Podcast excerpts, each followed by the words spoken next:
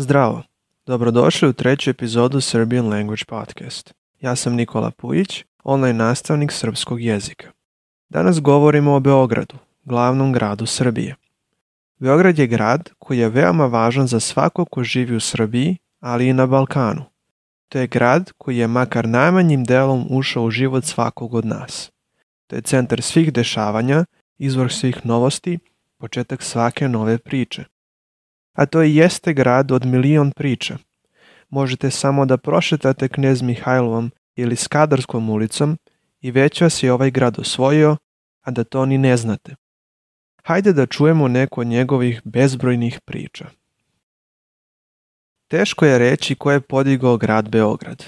Postoje dokazi o naseobinama na ovoj teritoriji još u vreme praistorije.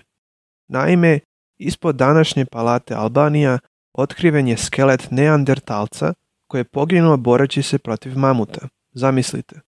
A i reka Dunav je jako bitna za formiranje naselja u to vreme. To je velika reka pored koje uvek može biti hrane.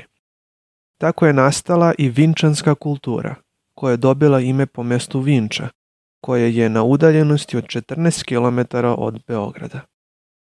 Vinčanska kultura je jako stara, čak iz perioda Neolita, To je otprilike od 4400. do 3200. godine pre nove ere.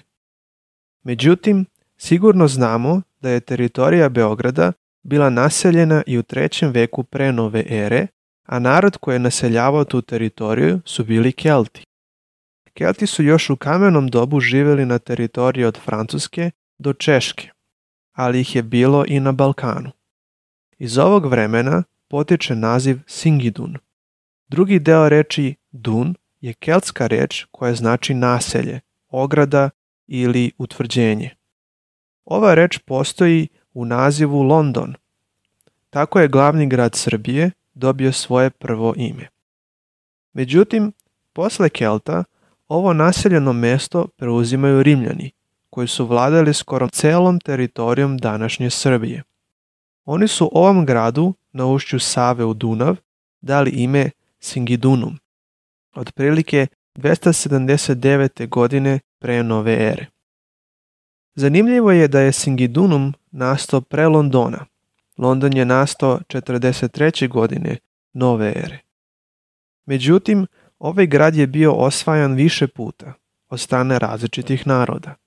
Te narode su Rimljani zvali varvari. To su bili razni narodi, ali i Sloveni. Sloveni su osvojili Singidunum oko 630. godine pre nove ere, a ime Beograd prvi put možemo naći 876. godine pre nove ere. Srbi su prvi put osvojili Beograd 1284. godine, a prvi srpski kralj koji je vladao Beogradom bio je Stefan Dragutin. Srbi su dugo vladali Beogradom kao vazali – uprkos ostalim promenama teritorije. Međutim, Sulejman Veličanstveni, sultan Osmanskog carstva, osvojio je Beograd 1521. godine. Posle drugog srpskog ustanka, Beograd je oslobođen 1817. godine i postaje prestonica Kneževine Srbije. Prestonicu je iz Kragujevca u Beograd premestio knez Mihajlo Obrenović. Ako ste nekad bili u Beogradu, to je onaj spomenik na trgu Republike, čovek koji jaše konja. Po njemu je nazvana i najpoznatija ulica u Beogradu, Knez Mihajlova ulica. Kasnije je ovaj grad uglavnom ostao u granicama Srbije. Pretrpao je mnoge ratove u svojoj istoriji, ali bombardovanje od strane nacističke Nemačke 1941. godine i NATO bombardovanje 1999. godine. Dakle, Beograd je doživeo mnogo stvari, a zbog njegove duge istorije Beograd se smatra jednim od najstarijih gradova u Evropi. Ali dosta smo govorili o istoriji. Šta nam Beograd može ponuditi danas? Danas Beograd ima površinu malo veću od 3000 km kvadratnih, i populaciju od 1.659.440 stanovnika prema statistici iz 2011. godine. Nalazi se na ušću reke Save u reku Dunav ispod planine Avala. Sastoji se iz 17 gradskih opština. Reka Sava deli Novi Beograd od ostatka grada. Novi Beograd je počeo ubrzano da raste posle drugog svetskog rata za vreme pojave i jačanja komunizma, a za vreme Josipa Broza Tita, Novi Beograd je već stvarao lepu budućnost za sebe. Danas ova opština je najveći privredni centar u Beogradu, ali i u Srbiji. Sa druge strane Save nalazi se Stari Beograd. U najužem delu, između dveju reka, nalaze se najstarije zgrade u Beogradu. Tu su osnivane najstarije škole – banke i udruženja. Naravno, tu je i Kalemegdan, najveći Beogradski park, gde se nalazi i Beogradska tvrđava. To je ona tvrđava koja je verovatno postojala na tom mestu i za vreme Kelta. Ovaj kompleks je jedna od najlepših stvari koje Beograd ima da ponudi. Svakog dana tu ima mnogo ljudi koji šetaju, sami ili sa decom, ima mnogo lepog i starog drveća, i može biti veoma mirno. Park je pun spomenika različitih pisaca i važnih ličnosti. Zelene površine i šum lišća su savršen večernji odmor posle gradske buke. Ako nastavite dublje kroz park, možete izaći na otvoreni deo koji služi kao osmatračnica, mesto na kome možete gledati široki, veliki pejsaž. To je prelep pogled na Novi Beograd Zemun, Savu, Dunav, ali na mostove koji spajaju dva dela Beograda. Put kroz park dalje vodi ka starim prelepim stepenicama, a kada siđete, možete ići pored zidova tvrđave. Tu blizu nalazi se ulaz u tvrđavu preko malog mosta, a kada prođete tunel, sa desne strane nalazi se ulaz za rimski bunar, koji je dubok čak 51 metar. Međutim, iznad tunela smeštena je jedna od najpoznatijih ikona Beograda, pobednik. To je veliki visoki spomenik koji je podignut 1928. godine. Njega čine bronzana muška figura sa sokolom u levoj ruci i spuštenim mačem u desnoj ruci. Ovaj spomenik je rad verovatno najpoznatijeg srpskog vajara, Ivana Meštrovića. Spomenik stoji na širokom, visokom delu tvrđave koji ima prelep pogled na ušće Save u Dunav. Iza spomenika nalazi se ostatak tvrđave sa visokim zidovima od crvene cigle. Posle šetnje kroz tvrđavu i kroz park možete izaći na ulaz u najpoznatiju ulicu u Beogradu, Knez Mihajlovu ulicu.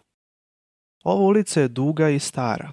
Ovom ulicom možete ići samo peške, da biste mogli da uživate u prelepim starim zgradama i u društvu mnogih muzičara koji svakog dana ovde nastupaju.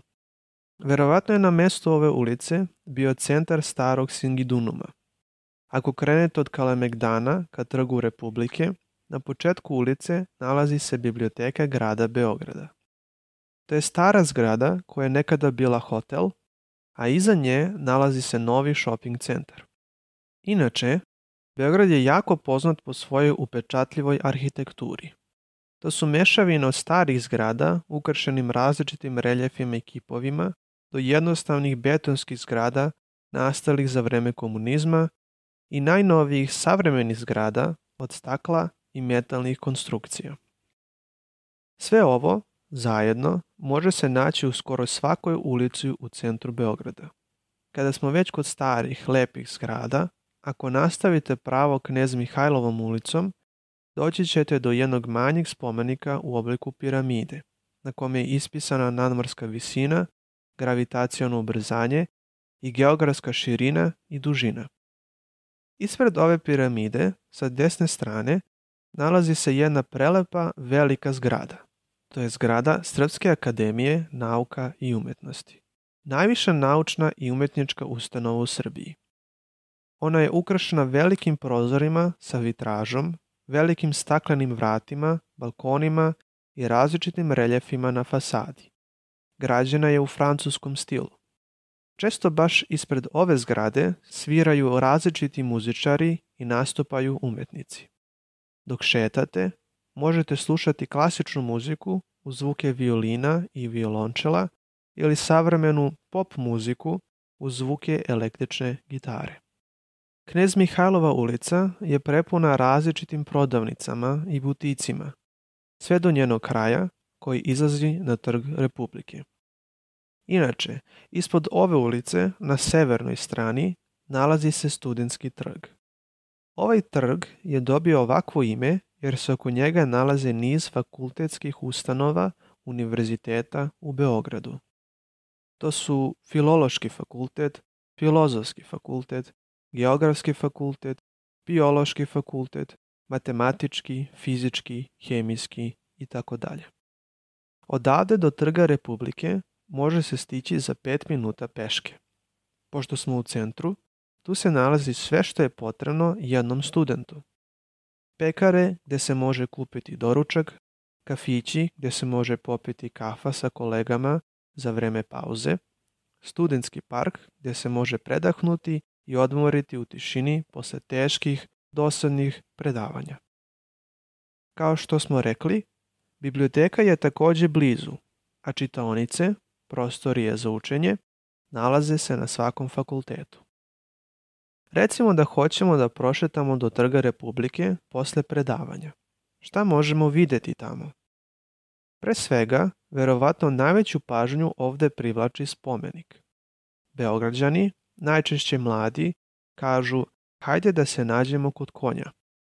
Što je možda i ne tako dobar izraz, jer na tom konju nalazi se osoba koja je svakako bitnija od samog konja. To je knez Mihajlo Obrenović. Ovaj trg okružen je starim i veoma važnim zgradama. Iza spomenika nalazi se Narodni muzej, jako lepa zgrada od crvene cigle. Sa leve strane muzeja Preko puta ulice nalazi se Narodno pozorište, najstarije pozorište u Beogradu, izgrađeno 1869. godine. U blizini su Palata Albanija, prvi oblakodar u Beogradu i Dom vojske. Trg je menjao svoj izgled mnogo puta. Jedno vreme tu je bio veliki parking, a pre toga, mnogo pre toga, na mestu današnjeg muzeja nalazila se kafana Dardaneli koja je bila jako važna za srpsku kulturu i umetnički svet. Pored Narodnog muzeja nalazi se jedna jako važna ulica, Francuska ulica. Ona vodi ka delu Beograda koji se zove Dorćol.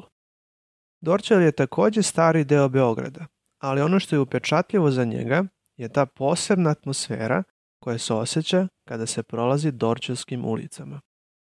Te ulice su male, tihe, u hladu raznog dorčevskog drveća koji šumi na vetru. Svako ko dođe u Beograd može osetiti tu magiju. Sve ove ulice su isprepletane, umršene i povezane u neku vrstu mreže. Pravo je zadovoljstvo šetati Dorčelom. duše, može biti i malo naporno vraćati se nazad, ka trgu, jer se Dorčel nalazi na nizbrdici ili uzbrdici. Na Dorčul ima mnogo starih zgrada i kuća koje nisu mnogo visoke. Jedan razlog za ovo je taj što Turci nisu voleli da žive u kućama koje imaju više spratova, pa su takve kuće i rušili. Nakon odlaska Turaka, nastavlja se zidanje kuća u balkanskom stilu. Ovaj deo Beograda je najstariji deo, da bi bilo gradsko jezgro starog grada koji je ovde postojao. Reč Dorčel je iz turskog jezika i znači raskrsnica četiri puta. Na Dorčulu se nalazi najstarija zgrada u Beogradu iz 1727. godine, koja, istina, može biti i u boljem stanju od sadašnjeg. Ovde se nalazi i Beogradski zološki vrt, ispod Kalemegdana, a u blizini je i Čukur Česma, veoma važan spomenik za srpsku istoriju. Ako ste se umorili od šetnje, možete svratiti do obale Dunava – koje nije tako daleko. Dunav je druga najveća reka u Evropi koja proteče kroz 10 zemalja. Večernje popodne je savršeno vreme za šetanje ili odmor pored reke. Na obali Dunava ima mnogo labudova, mnogi ljudi ih hrane mrvicama. Tu može biti veoma tiho i prijatno za odmor, pogotovo leti, kada uz reku duva prohladan vetar posle vrelog, sunčanog i napornog dana. Baš zbog toga ovde obično bude mnogo ljudi. Porodicu šetnji sa decom, studenti sa flašom piva i muzikom, parovi koji zagrljeni sede u zalasku sunca s pogledom na ribarski brodić što prolazi velikim, tihim Dunavom. Ovo bi bio kraj treće epizode Serbian Language Podcast. Nastavit ćemo sa pričama o Beogradu u nekoj od sledećih epizoda. Nadam se da ste uživali i da ste ponovo poželeli da posetite ovaj grad. Vidimo se i čujemo se u sledećoj epizodi uskoro. Pozdrav!